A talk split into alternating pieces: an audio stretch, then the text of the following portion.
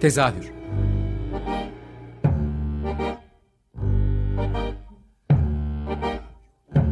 İstanbul tiyatro hayatı üzerine gündelik konuşmalar. What keeps mankind alive? What keeps mankind alive? The fact that billions are daily tortured, stifled, punished, silenced and oppressed.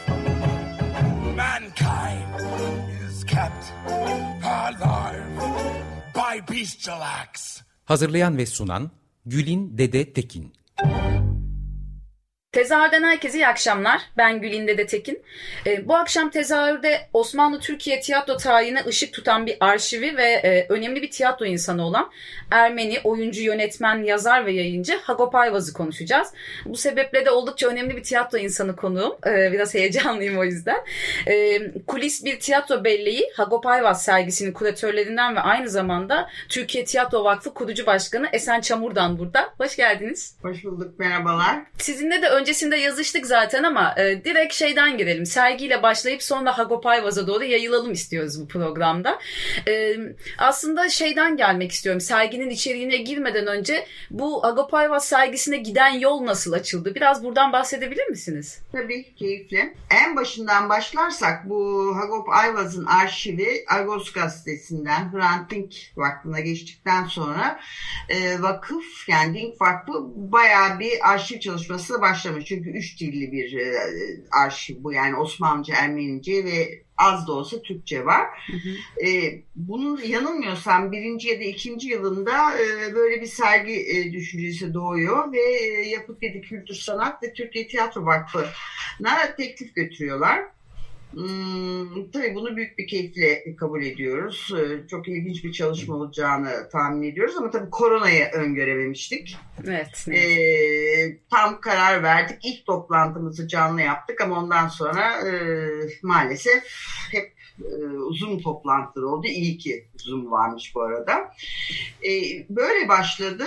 E, ilk aşamada aramızda da konuştuk. Zaten hep böyle konuşarak, hep böyle bir kolektif imece biçiminde gitti çalışmalarımız üç kurum arasında da ki bunu çok önemsiyorum. Çünkü üç kurumun birlikte ve de böyle uzaktan çalışmasının e, bayağı güç olacağını düşünüyordum.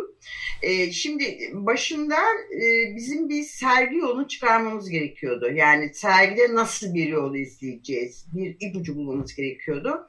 Ve de yani bu ileride tabii ki değişir, dönüşüme uğrar ama bir yerden başlamak gerekiyordu. Ama bu arada hemen ekleyeyim arşiv çalışması sürüyordu. Yani biz devreye girip çalışmaya başladığımızda e, arşivin e, tasnif edilmesi, dijitalize edilmesi ve kendi içinde yeniden bebekler ayrılması yap, yani yap, çalışmaları sürüyordu. Ee, çok bayağı bir zaman aldı bu sergi yolunu e, saptamak ve araştırmalardan sonra yine Hagop Ayvaz bize yardımcı oldu ve onun tiyatro serüveninden yola çıkmaya karar verdik.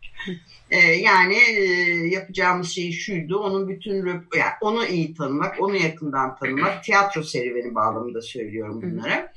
Ee, onunla yapılan röportajlardan, işte köşe yazılarından ki çoğu anı ağırlıklıdır ya da Türkiye tiyatrosu ağırlıklıdır. Ee, ya da işte e, bulduğumuz herhangi e, bilgilerden e, bir yol çizdik. Bu yolda e, giderken, yolda yürürken bir takım değişikliklere uğradı ve ama e, sonuçta e, üç ana bölüm çıktı ki o sergiyi de yansıdı. Tabii burada arşiv de bizi yönlendirdi. Onu da söylemek gerekiyor. Yani bu yolu saptarken e, bir de elinizdeki malzemeye göre de bunu evet. e, beslemek ya da alacağınız besine göre yönlendirmek gerekiyordu. Dolayısıyla üç ana bölüm oluştu e, sergide. Bunlardan biri başında söylediğim gibi Hagop Ayvaz'ın e, tiyatro serüvenini anlatıyor. Hem de e, ziyaretçi geldiğinde biraz onunla tanışmış oluyor. E, bu demektir ki işte tiyatroyla tanışması, ona tam anlamıyla sevdalanması, tiyatronun bir tutku haline gelmesi derken işte oynadığı oyunlar, sonra kurduğu küçük kumpanya adlı topluluk hı hı. E, derken işte içine girip çıktığı e, tiyatro toplulukları, e, şeyler, e, dostları, e, oyun arkadaşları, ustaları. E, böyle ilk bölüm bunları anlatırken ikinci bölüm tabii Hagop Ayvaz'la e, özdeşleşen e, kulis dergisi evet. oldu. E, ayrıntıya girmeden bir fikir vermek için söylüyorum. Kulis dergisi belki de Türkiye'de rekordur. Yani aralıksız 50 yıl çıkmış bir dergi. 46 ile 96 arası.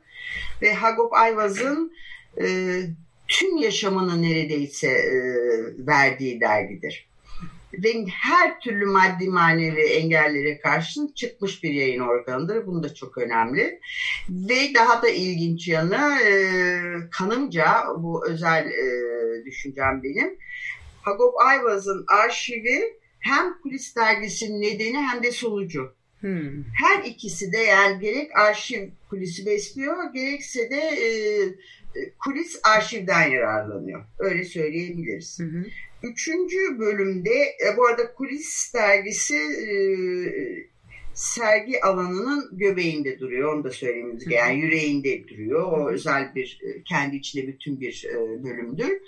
Üçüncü bölümde e, yine tabii Hagop Ayvaz'ın bu kez tiyatro serüveninden yine izleyerek tiyatro serüvenini o dönemin tiyatro ruhunu yansıtan tüm mekanlar, kişiler, topluluklar ve hepsi de biraz önce söylediğim gibi Hagop Ayvaz'ın dostlarından, ustalarından e, e, ya da oyun arkadaşlarından yola çıkarak yapıldı.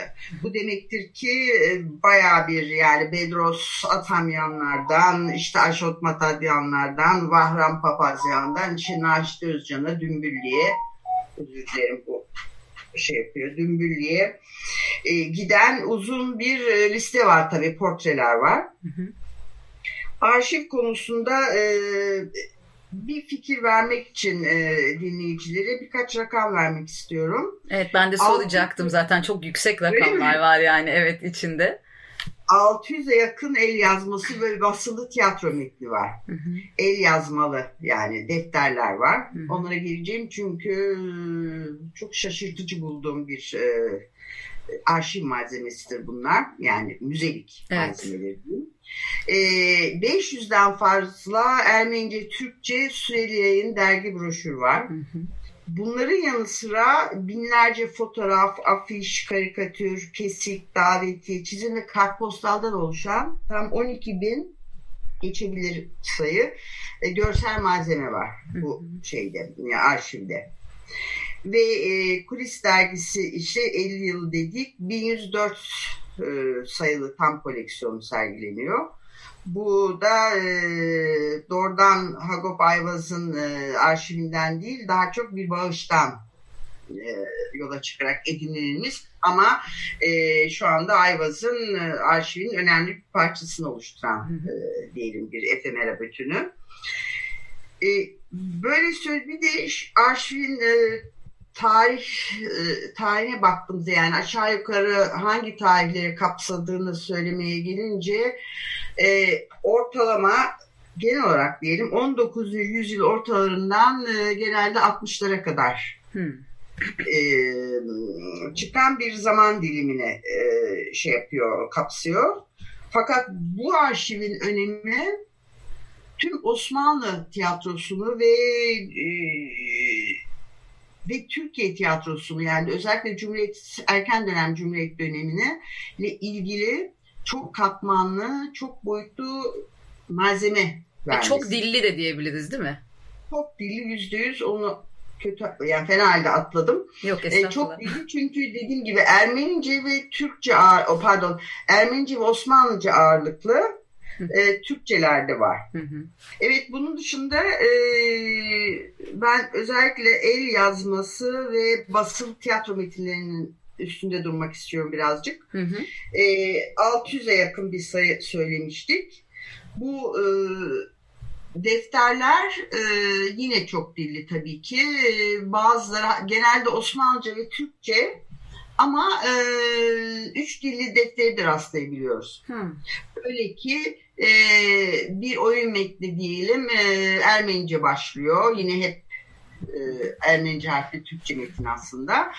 Ondan sonra Osmanlıca devam ediyor. Bir de bakıyorsunuz arkasında Hagop Ayvaz e, Türkçe, şeyce, Türkçe notlar almış yani o metinle ilgili de olabilir, ilgisi olabilir. Böyle e, şeyler var.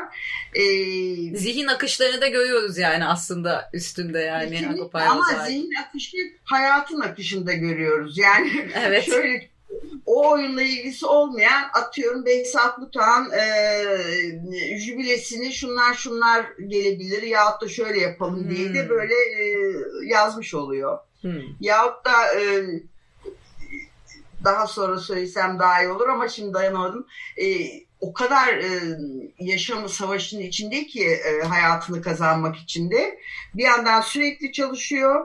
E, çok da varlıklı yani çok da para kazanan biri değil yani tekstil alanında çalışıyor işte çıraklıkla başlıyor sonra kendi küçük firmasını kuruyor filan fakat hep hayatı tiyatro ve özellikle kulis dergisini beslemek için gerçekten olağanüstü bir e, çabası var maddi manevi. E, o kadar ki e, maalesef onu sergileyemedik. E, ben çok istedim ama olmadı yani. Zaten arşivin bütününü sergilemek diye bir şey olamazdı. E, bir oyunun e, içinde bir küçük hesap notu bulduk. Yani bu o kadar tipik Hagop Ayvaz'ın e, şeyi ki e, hayatının göstergesi diyelim hatta. Yani o oyun var ama e, o oyun onun hayatı fakat gerçeklikte o küçük hesap notunda evet. şey yapıyor. Yani bu çok simgeseldir benim için. Çok sevdiğim bir resim oldu Hagop Bey ile ilgili kafamda. Şimdi defterlere, el yazısı defterlere dönersek bunlar çok özenle e, süslenmiş. Böyle kapakları renklendirilmiş. İşte pergellerle böyle bizim e, okullarda çizdiğimiz yarım daireler çizilmiş. İçeri başlıklar, çerçeveler alınmış ve daha da ilginci e, benim kuşağımın çok yakından tanıdığı kaplama kağıtları vardı o zaman. Lacivert ve kırmızı. Biz okul defterlerimiz onlarla kaplanırdı. Evet, biz, bizim dönemde de denk geldi o. Aynen Hagop Ayvaz bunu defterlerine yapmış onları korumak için. Hepsi e, sergide de görecek zaten ziyaretçi. Hepsi kaplama, mavi ya da kırmızı, etiketli ve özenle süslenmiş. Bir de bu defterlerde bir e, ilginç nokta da üzerinde çalışılmış birçok e, defter var. Yani bir oyun, zaten hepsi oyun ama üzerine notlar alınmış çalışmayan bir şekilde müsvedde gibi de kullanılmış Hı. bu defterler. Ama onlar hep saklanmış, hep saklanmış. Ee, bazı oyunlar e, hem deftere yazılmış hem basılı olarak var. Hı. O da benim çok ilgimi çeken bir noktadır. Hı. Yani bu da çok dililiğin şeyini gösteriyor. Mesela ha, e, önce bir oyun diyelim Ermenice'ye çeviriyor. Bakıyorsunuz aynı sonra Osmanlıca'ya çevirmiş. Ya da tersi olabiliyor. Böyle kültürler arası etkileşimler hatta değişimler de olabiliyor ki çok güzel bir dönem o. Ee, bas, defterler Ermince e, dedim e, daha çok ağırlıklı oluyor. Fakat basılı oyun metinleri de Osmanlıca ağırlıklı. Yani çok az Ermenice e, basılı oyun metni var. Fakat Osmanlıcalar e, birkaç örnek vereceğim size çok ilginç çünkü müzelik parçalar var. Yani resmen e, ender kitap kategorisine giren ve hatta müzede böyle önünde durulması yasak olan filan böyle değerde. Örneğin e, şark dişçisi var. 1868 tarihli Ermenice. E, Hagop Baronya'nın biliyorsunuz evet. şark dişçisi yakın zamanda da oynandı işte şehir, şehir tiyatrolarında. Evet. Pinti Hamit var Theodor Kasab'ın 74-75 tarihleri e, bu oyunda. Ermenice. Hı hı. Akif Bey var Namık Kemal'in. O da 74-75 tarihlenir. Yani tartışmalı olduğu için iki tarih birden veriyorum. Ee, Osmanlıca. Ya mesela Abdülhak Ahmet'in 1908 ya da 9 tarihli Zeynep adlı oyunu var. Bunların Osmanlıca yani, basılmasının sözünüzü kestim özür dilerim ama yo, yo. o dönemde Ermeni oyuncuların oyunların pardon yasaklanmasıyla vesaireyle ilgisi var mı peki? Hani... Hayır çok dililikle ilgisi var bunun. Hmm. Yani o e, o yasak sanıyorum daha çok sahnede. Hmm. Yani Ermenice yasak bile değilmiş. Aslında e, e, fiilen yasak değil de yani yani onunla ilgili e, şeyler vardır, anılar vardır. Hı hı. Hatta kimdi? E, sanıyorum Oksen Şahinyan olabilir. Gitmiş de yine işte konuşurken falan. Yani öyle önemli bir tiyatro kişiliği diyelim. Hı hı e, işte yasak niye var ne zaman kalkacak demiş de o da demiş Aa, öyle bir yasak mı var demiş. Hmm. Yani e, bu daha araştırmacılar bunu, bu konuya bir açıklık getirmediler. Yani gerçekten fiilen mi vardı yoksa hani otosansür gibi bir hani baskı sonucu mu vardı o bilinmiyor ama o yasak benim bildiğim kadarıyla hı hı. E, daha çok oyunlara. Oyunlara anladım. Tarihlere bak. Bir de yalnız tarihler burada çok eski. Doğru. E, yani yasak. Eşleşmiyordu e, aslında yani tarihler. Evet yani onun için bu tartışmalı da ben de tarihçi olmadığım için çok böyle şey bilgiçlik yapmayayım. Şimdi Osmanlıca baskılar bunlar yani bir fikir vermek için. Hı hı klasikler var çok dikkat çeken yine Osmanlıca baskıda. Yani düşünebiliyor musunuz? Schiller'in Jean d'Arc'ı 1927 yılında çevrilmiş. Bunların çoğu çeviri tabii klasik olduğu için. Ne bileyim Kamelyalı Kadın e, Alexander oğlun 1900 1901'de çevrilmiş. Mahmut Şevket çevirmiş gibi böyle ıı, hiç bilmediğimiz ancak belki birkaç araştırmacının bildiği çok ilginç bir kültür e, hazinesiyle de karşılaşıyorsunuz o dönem için. Mesela Corneille bayağı çevriliyor. Horace çevrilmiş Corneille'den 1928'de. Ne bileyim 24'te Ibsen'in hortlakları çevrilmiş. Bunların Goethe, Ifigeni e, Tauris'te tarihi okunamıyor ama yani Hasan Cemil'in çevirdiği biliniyor gibi böyle inanılmaz ve kültür tarihimizi başka bir boyutunu ortaya çıkartan belki de kim boşlukları dolduran e, bu şeyler, metinler bunlar. Ermenice'de çok Salome çevrilmiş. Hmm. Hem de bir kadın ozan tarafından e, Mannik Berberyan. 1922'de düşünebiliyor musunuz? E, e, Oscar Wilde'ın 1922'de e, Ermenice çevrilmesini. Evet. Yani inanılır gibi değil. Kamelyalı kadın e, Ermenici'yle çevrilmiş. E, biliyorsunuz Osmanlıca'ya da çevrilmişti. Bu, bu 1921'de olmuş ama bir de maalesef bu Ermenice çevirilerin e, şeyleri çoğunun basılı metinin çevirmeni e, yok ya da okunmuyor ya da boş bırakılmış. Hmm. Öyle de bir durum var. Bu da araştırmalı sanıyorum. Örneğin Otello Ermenice'de iki çeviriyle rastlıyoruz. Birinin çevirmeni bilinmiyor 1922'de. Öteki de 1931'de çevrilmiş biliniyor. Serap, A, A, T Serap'la e, A Alyanak. Bu Alyanak çok bilinen bir e, çevirmen. Çünkü sürekli onun e, çalışmalarını gördük. Bunların dışında e, Noter tasdikli oyunlar var örneğin ya da sansürden geçmiş oyunlar var. Bunların damgalarını görüyoruz. Abdülhamit aleyhine oyunlar var. Ee, ee, ve de e, daha mesela şeyler de var. Ee, bu Ermenice harfle Türkçe oyunların karşılıklı nasıl anlatayım birbirlerini etkilemeleri de var. Yani e, Türkçe versiyonu var. Arkadan e, e, Ermenice versiyonu geliyor. Sözünüzü kesmeyi yani bu, hiç istemiyorum bu arada. Sadece 5 dakikamız kaldı. 60'ı atlamayalım istemiyorum. atalım zaten. Bu e, hani Ermenice versiyonu falan var dedim onu zaten söylemiştim. Tamam. O zaman son şeye gireyim mi? Tabii. Tamam. O zaman e, bu bitirmek için şunu söylemek istiyorum. Yani bu Hagop Vaz arşivi e, bize çok şey söyledi. Yani bu sergide onu anlatmaya çalıştık. Tabii daha çok malzeme var sergilenecek ama Türkiye tiyatrosu tarihindeki bir takım boşlukları e, ortaya koyan, e, eksiklerimizi bize hatırlatan bir e, arşivdir. Hı hı. Ki bunu söylemek e, benim için çok önemli. Bir de e, bir tiyatro belleğinin yani bir e, tiyatro arşivinin hı hı. ne kadar önemli olduğunu, toplumsal tarih, toplumsal belleğimiz açısından ne kadar değerli olduğunu hı hı. ve müze kıtlığı çeken bu ülkede de evet.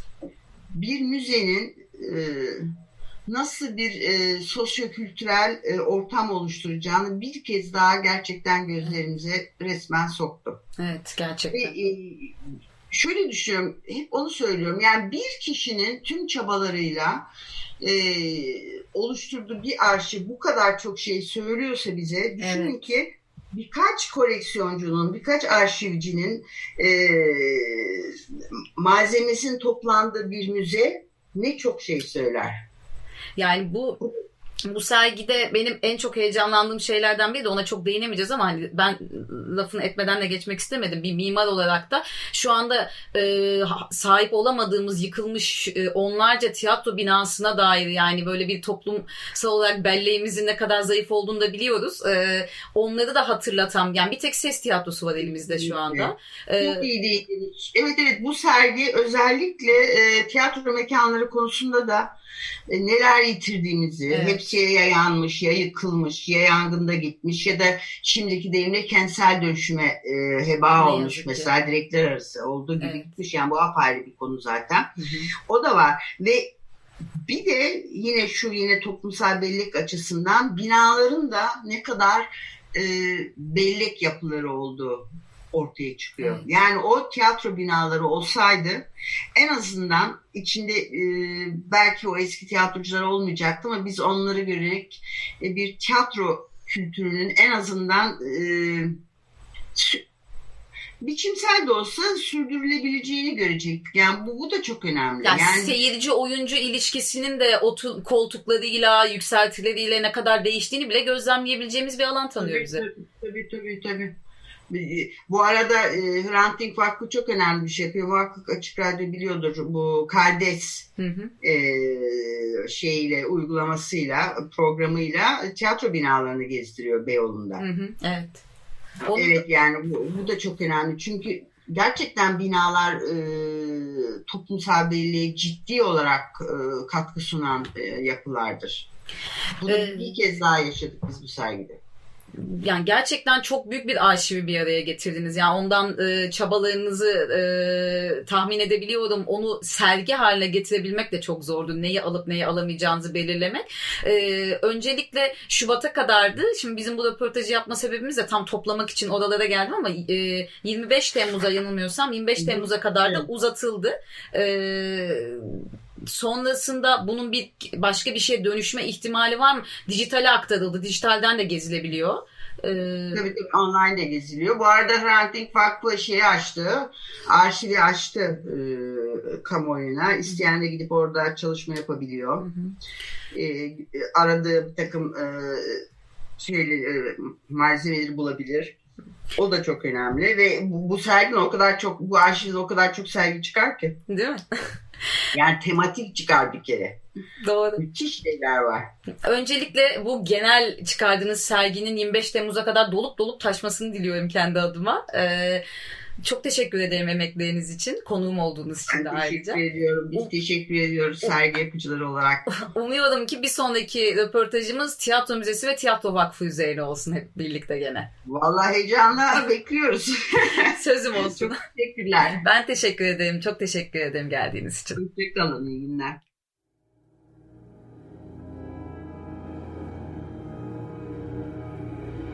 Tezahür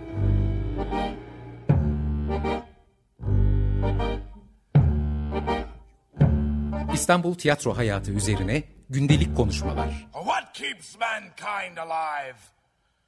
What keeps mankind alive? The fact that billions are daily tortured, stifled, punished, silenced and oppressed. Mankind is kept alive by bestial acts. Hazırlayan ve sunan Gül'in Dede Tekin.